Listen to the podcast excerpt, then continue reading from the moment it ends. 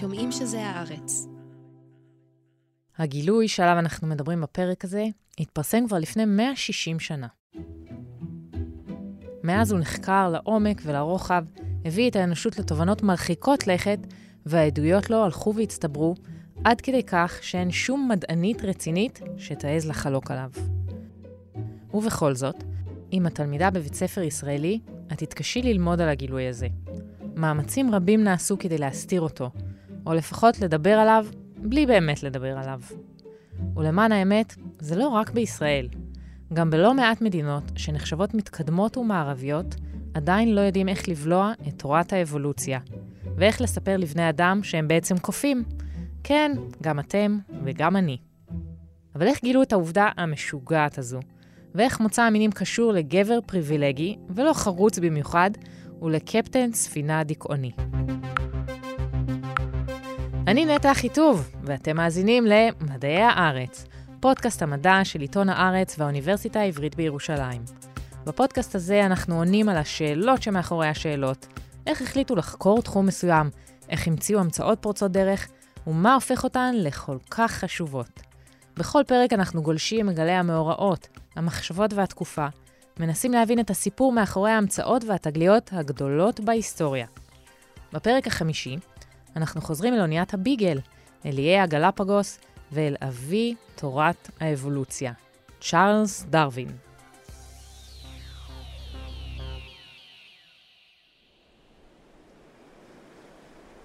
בקיץ של שנת 1828 נתקף קפטן פרינגל סטוקס בדיכאון. סטוקס, מפקדה של אוניית הוד מלכותו ביגל, הסתגר בתאו במשך שבועיים. שנתיים קודם לכן יצא הביגל מהנמל בדרום אנגליה כדי למפות נתיבים ימיים באזור פטגוניה בארץ האש. בשני באוגוסט יצא סוף סוף הקפטן מתאו. הוא החל לדבר בהתרגשות, ואז הוא לקח את האקדח שלו וירה בעצמו. עשרה ימים לאחר מכן הוא מת.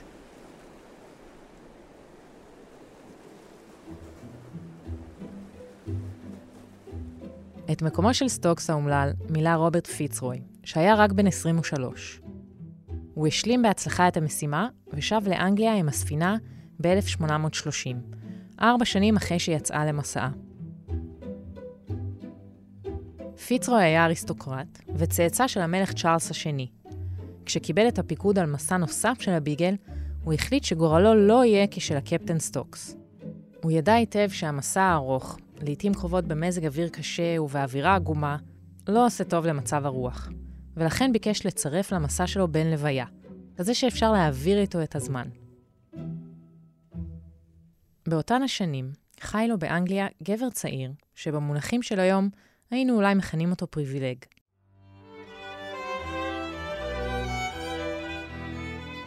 הוא הגיע ממשפחה עשירה, לא אהב לעבוד יותר מדי, ובילה את זמנו בלהסתובב בטבע, לאסוף חיפושיות ולהסתכל בדברים.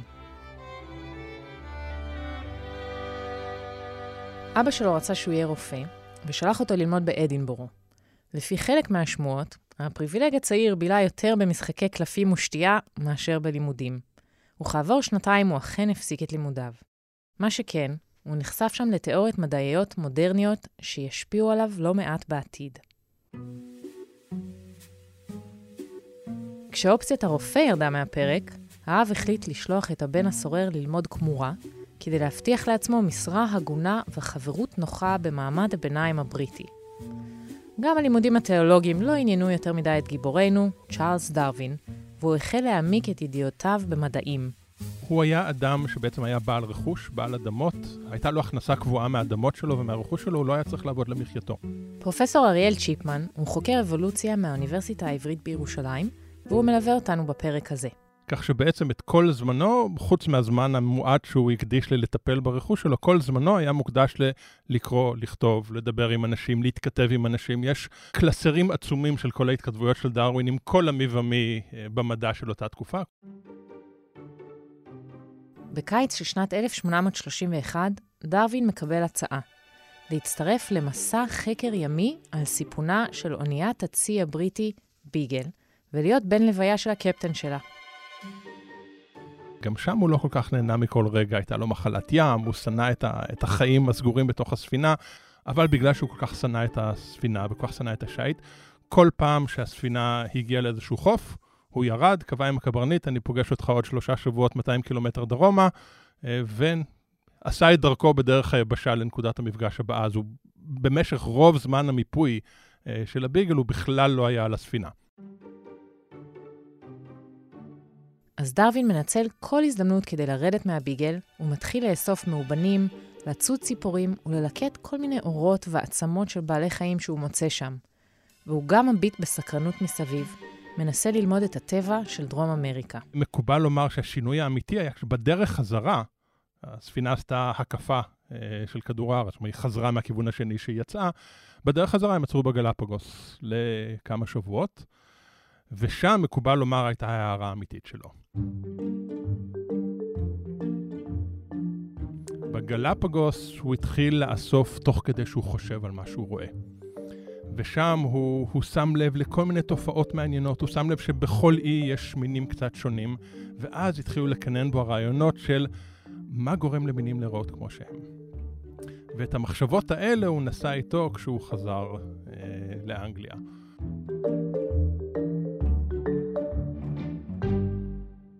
לאורך רוב ההיסטוריה האנושית, בני האדם האמינו שכל מה שמסביב, צמחים, בעלי חיים, בני אדם, נוצרו ברגע אחד, ושהם קיימים כפי שהם מאז אותו הרגע. כלומר שתמיד היו בני אדם שהולכים זקוף, ושהדוב שחי ביער, או היונה שמעופפת בשמיים, נראים כך מהרגע שנוצרו. כלומר, מהרגע שנוצר העולם. אבל למרבה המזל, היו כמה אנשים שלא חשבו ככה. בתקופות שונות בהיסטוריה הרעיונות האלה עולים ויורדים. אה, אני חושב שגם, אפילו בפילוסופיה היוונית, חלק מהפילוסופים היוונים לא באמת חשבו שהעולם תמיד היה כפי שהוא כיום. אה, היוונים הכירו מאובנים. אז הם ידעו שבאזורים שהיום הם יבשה, פעם היה ים, והם ידעו שיש חיות שהיו קיימות פעם ולא קיימות כיום. אז הרעיון של שינויים תמיד היה קיים. אבל הרעיון היה אה, מעין בריאה מחזורית, שמדי פעם יש בריאה מחדש של העולם, וזה מה שאנחנו רואים בתור שינויים. למרק היה הראשון שדיבר על שינויים במינים קיימים, ודרווין היה הראשון שדיבר על מנגנון לשינויים האלה. כמאה שנים לפני המסע של הביגל, מפרסם חוקר שוודי בשם קרולוס לינאוס ספר, שבלעדיו ספק אם צ'ארלס דרווין היה הוגה את תורת האבולוציה. לינאוס חילק את עולם הצמחים ובעלי החיים לקבוצות על בסיס תכונות משותפות. השיטה של לינאוס הביאה להתפתחות הטקסונומיה, חלק במדע הביולוגיה שממיין ומארגן את כל היצורים החיים. היכולת להסתכל על עולם החי כמערכת עם הקשרים הייתה הכרחית באבולוציה של מדע הביולוגיה. אחרי לינאוס הגיע ז'אן בטיסט למרק, וגם הוא דחף את האנושות במסע שלה להבנת התפתחות החיים. למרק קידם את החשיבה שבעלי חיים משתנים עם הזמן, הוא התבסס על הרעיון שלפיו לא רק שיש חלוקה לקבוצות, אלא גם ישנה היררכיה. מין סולם שבתחתית שלו יצורים חד-תאים, ואז תולעים, חסרי חוליות וכן הלאה. בראש, כמובן, בני האדם. למרק טען שהסולם הזה הוא לא סטטי, ושאפשר לנוע בו למעלה. כלומר שחיות מנסות להשתפר ולהתקדם. מבחינתו המנגנון לשינויים, אני חושב שהוא אפילו השתמש במילה אבולוציה, המנגנון לשינויים היה שאיפה של בעל החיים להשתפר, ואז הוא נתן כדוגמה את הג'ירפה שמנסה להגיע לענפים הגבוהים יותר ולכן הצוואר שלו הולך ומתארך. אז הרעיון באופן כללי הוא שאיפה של בעלי חיים להשתפר, והשאיפה הזו מובילה לשינויים, והשינויים האלה עוברים גם לצאצאים. האסימון נפל לדרווין כשהביגל הגיע לגלפגוס ב-1835. הגלפגוס הם איים וולקניים שנוצרו בלב האוקיינוס השקט, כאלף קילומטרים מערבית לאקוודור. הם קרובים זה לזה מספיק כדי לאפשר הגירה של בעלי חיים ביניהם, אך לא רבייה על בסיס קבוע. האיים מלאים בבעלי חיים כמו צווי ענק וציפורים משונות. המקומיים סיפרו לדרווין שאפשר לדעת איזה צו הגיע מאיזה אי על פי המאפיינים החיצוניים שלו.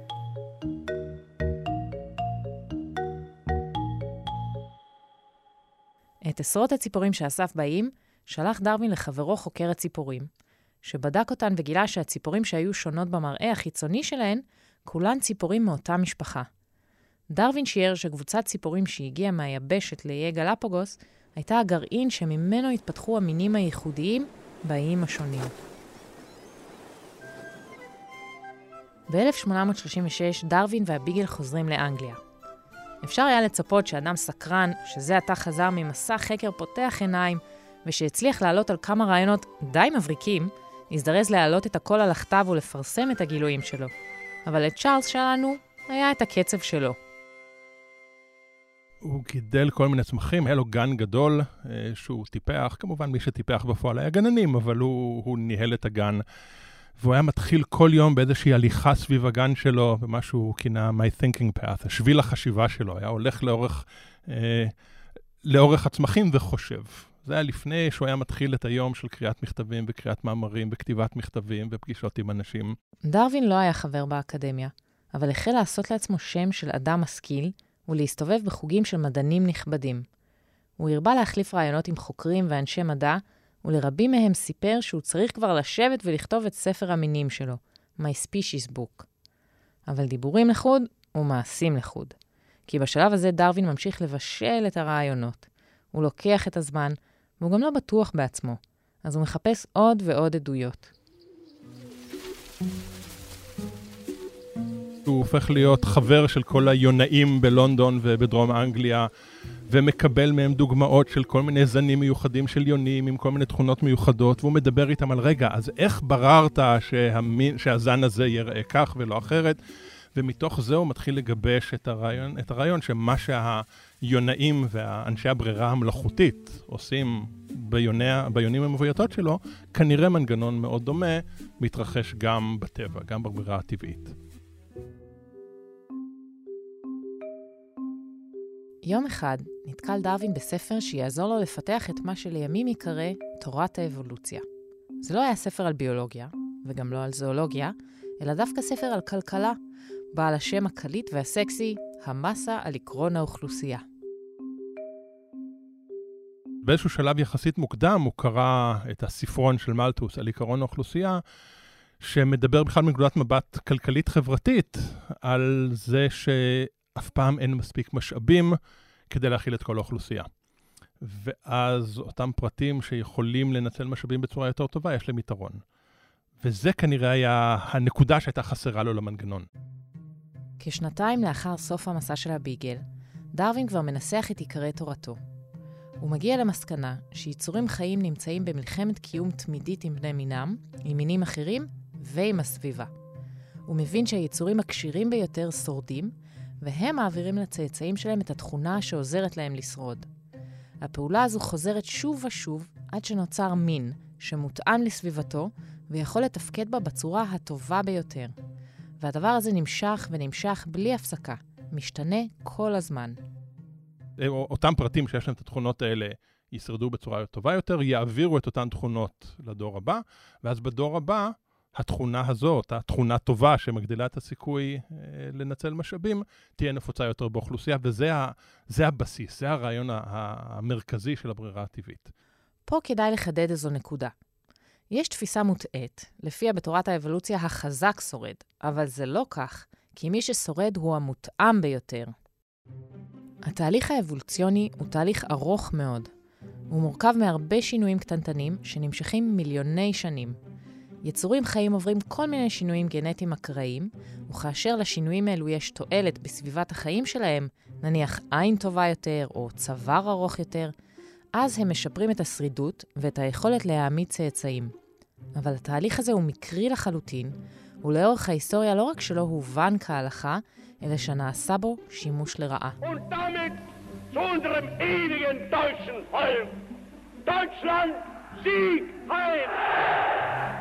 אפשר לדבר לכיוון הזה גם כן לעומק, איך כל מיני אה, פילוסופיות ואידיאולוגיות של ראשית המאה ה-20 לקחו את הרעיונות הדרוויניסטיים ועיוותו אותם. אה, כל העולם של האוגניקה, של לשפר את הגזע האנושי על ידי זה שניתן רק לאנשים המוצלחים להעמיד צאצאים. הרעיון של החזק מנצח את החלש, זה עיוות של הדרוויניזם שנכנס מאוד חזק לכל האידיאולוגיות הפשיסטיות והנאציות. הרבה מהצדקות של הפשיזם הם, הנה תראו מה קורה בטבע, זה צריך לקרות גם בבני אדם. וגם בטבע זה לא החזק שורד, זה מי שפשוט מתאים במקרה לתנאים הנסיבתיים. מי ששורד זה מי שמעמיד הכי הרבה צאצאים. ככה פשוט. ככה פשוט.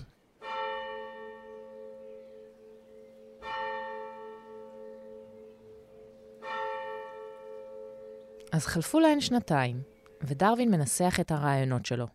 ובשלב הזה בטח הייתם מצפים שהוא יפרסם את המסקנות המרעישות. אבל דרווין חשב אחרת. כי מהרגע שחזר מהגלפגוס ועד שפרסם את התיאוריה שלו, חלפו לא פחות מ-17 שנה. הדת כנראה שיחקה תפקיד בספק שלו, אשתו הייתה אה, נוצרייה מאמינה. אה, יש התכתבויות ביניהם שהיא הייתה מאוד מוטרדת מזה שהרעיונות שלהם רעיונות כפירה. אז הוא עצמו כנראה לא היה מאוד דתי, אבל הקשר היומיומי עם אשתו, הם היו מאוד קרובים. אה, כנראה היה אולי הדוגמה של ממה הוא צריך לפחד. איזה מין דעות מנוגדות יכול להיות שהוא ישמע, זה כנראה גם כן היה חלק מהעיכוב. אה, אני לא חושב שזה היה כל כך פחד מהממסד הדתי. זה היה יותר פחד ממה יגידו. דרווין כנראה היה ממשיך לשבת ולהתלבט, לחקור עוד ועוד, להרהר בספישיס בוק שלו, אלא שביוני 1858 הוא מקבל מכתב. את המכתב הזה כותב חוקר טבע צעיר בשם אלפרד ראסל וואלאס. וואלאס, שחי כמה שנים במה שהיום נקרא מלזיה ואינדונזיה, חשב באופן נפרד לגמרי על רעיון הברירה הטבעית. ובגלל שהוא ידע שדרווין מבין דבר או שניים בנושא, הוא החליט להתייעץ איתו. ואז דרווין אמר, אוי לא. אה, הוא עומד לעשות לי scooping, כמו שאומרים היום, אה, הוא יפרסם את זה לפניי. ופה אתם בטח חושבים שאחרי שחיכה כל כך הרבה וחשב והפך וחקר, יגיע הרגע שדרווין יגיד סוף סוף, יאללה, חייבים לפרסם. אבל זה לא מה שדרווין אמר. עם כל הרגשי נחיתות ו- וחששות עצמיים של דרווין, אמר, טוב, ניתן לו לפרסם את זה, שהוא יקבל את התהילה, אני עוד לא גיבשתי את הרעיונות מספיק. ובאו אליו חבריו ואמרו לו, סליחה, אתה נפלת על השכל. אתה חושב על זה, אתה יושב על זה כבר 17 שנה, והוא, הבחור הצעיר הזה, רוצה לקחת לך את התהילה. תעשו את זה ביחד. ואז הם כתבו ביחד איזשהו מאמר קצר, או למעשה הרצאה, שהוקראה בחברה המלכותית, החברה המדעית המלכותית בלונדון. דרווין עצמו לא היה אה, באותו אירוע הקראה, כי באותו יום הוא קבר את בנו, אה, ש, שנפטר בגיל עשר, אה, אז הוא לא היה יכול להגיע מסיבות אישיות, אבל זה הוקרא. אה, הרעיון התחיל להתפשט, ואז כבר לא הייתה לו ברירה, הוא היה חייב לשבת ולכתוב את הספר.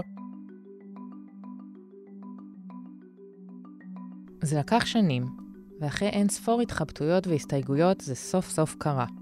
ב-24 בנובמבר 1859 יצא לאור הספר מוצא המינים, או בשמו הארוך להחריד, על מוצא המינים בדרך הברירה הטבעית או השתמרותם של גזעים מועדפים במאבק לחיים. כל ספרי המהדורה הראשונה נמכרו תוך יממה.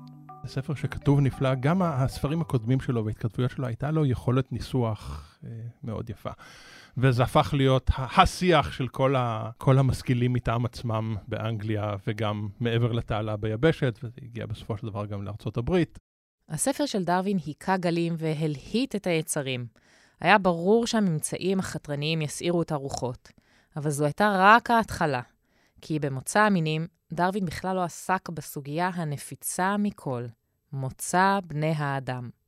את זה הוא עשה עוד כמעט עשר שנים מאוחר יותר, בספר המשך על מוצא האדם, שבו הוא כבר שחרר את כל העכבות וכתב במפורש את הרעיון שכל מה שאמרנו על הברירה הטבעית, נכון גם לגבינו. גם אנחנו תוצר של אבולוציה, וכאן אה, הוא בילה אני כבר לא זוכר אם זה היה לפני מוצא המינים או אחרי מוצא המינים, הוא בילה הרבה זמן בגן החיות של לונדון, וחקר התנהגות של אורנגוטנים, ומצא כמה זה דומה. כמה התנהגות והבעות פנים ו- ותגובה של אורנגוטנים דומה להתנהגות של בני אדם.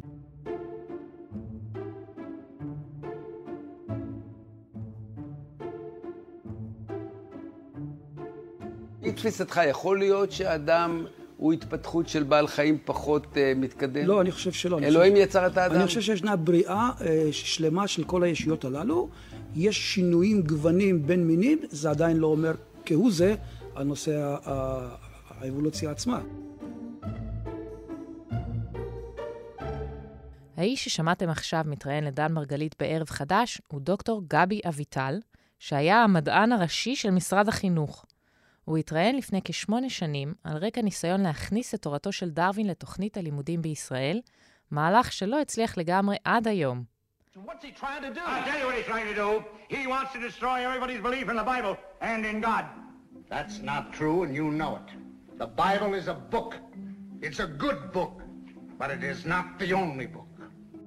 הוויכוחים סביב התיאוריה של דרווין עולים תמיד לטונים גבוהים. הפרשה הכי מפורסמת כנראה הייתה משפט הקופים בארצות הברית ב-1925, פרשה שגם הפכה לסרט מצליח. אבל הדרמה הסוערת הייתה שם מהרגע הראשון.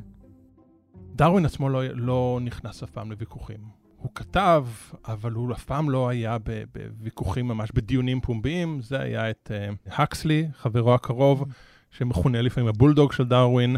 הקסלי הוא מי שלקח את הרעיונות של דרווין והתווכח בפומבי והופיע בכל מיני uh, דיונים ומפגשים. אחד המפורסמים, הכומר וילברפורס, שהוא שאל אותו משהו כמו, האם אתה צאצא של קופים מצד האם או מצד האב?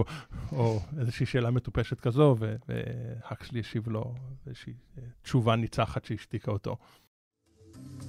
תורת האבולוציה זאת תיאוריה, זה לא מדע, זה לא משהו מבוסס, לא מוכח, לא כלום. מדע מוכח. ממש לא. כלומר, מדען שאומר לך היום, כדור הארץ הוא כבר בין 4 מיליארד שנה. המדען הזה אין לו שום הוכחות לזה. הוא מדבר על תיאוריות.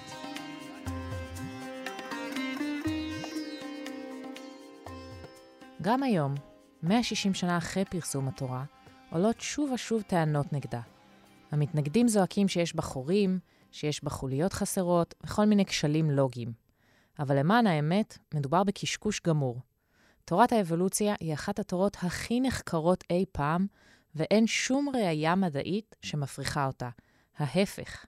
יש אפילו מפקפקים שקוראים לה תיאוריית האבולוציה, אבל אף ביולוג רציני לא ישתמש במונח הזה, אלא יקרא לה בשמה, תורת האבולוציה, והיא מבוססת בדיוק כמו תורת הכבידה או תורת היחסות.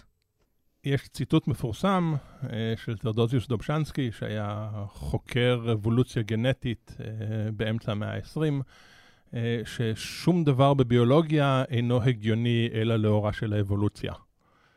ציטוט שאני משתמש בו תמיד בפתיחה של הרצאות, כי כל הביולוגיה מוסברת על ידי המנגנונים האבולוציוניים.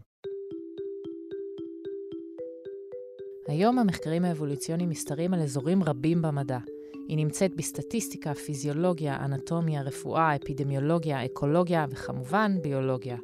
היא מאפשרת לנו להבין תהליכים מורכבים ולקדם את ההבנה והידע האנושיים. אבל בשונה מתגליות מדעיות אחרות, האבולוציה נוגעת בעצבים הכי רגישים שלנו, וזו כנראה הסיבה שהיא מסעירה אותנו עד היום.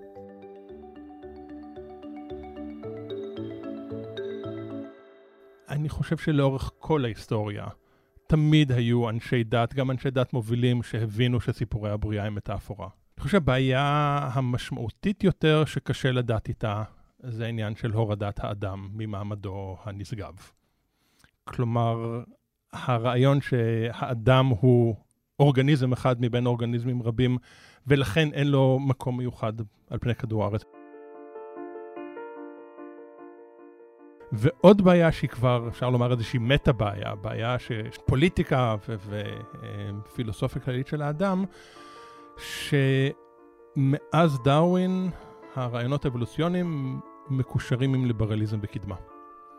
למעשה, כשמדברים על קדמה, בטח בסוף התקופה הוויקטוריאנית, בראשית המאה ה-20, אז דרווין הוא אחד המייצגים הגדולים ביותר של הקדמה, של ליברליזם, של החשיבה המודרניסטית, ועם זה לדעת יש בעיה. כי לאורך רוב ההיסטוריה, לדתות הממוסדות תמיד הייתה בעיה עם ליברליזם בקדמה.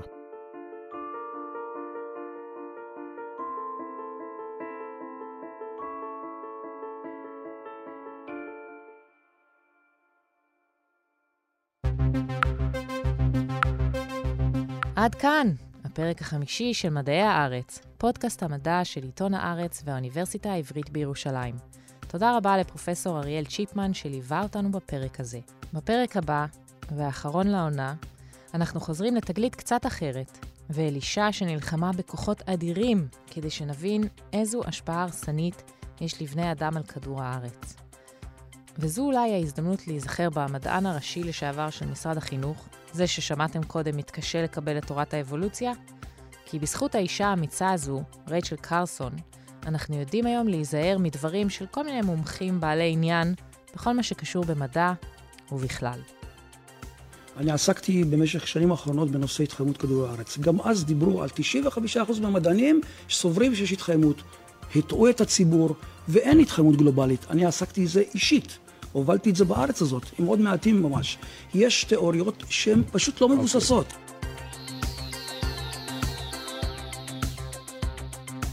את מדעי הארץ עורך אסף פרידמן, המפיק הוא אמיר פקטור, ועורכת המיקס והפסקול היא נהרה מלקין. תחקירנית הפודקאסט היא עידית פודולר, אני נטע אחיטוב, ואנחנו נשתמע בפרק הבא.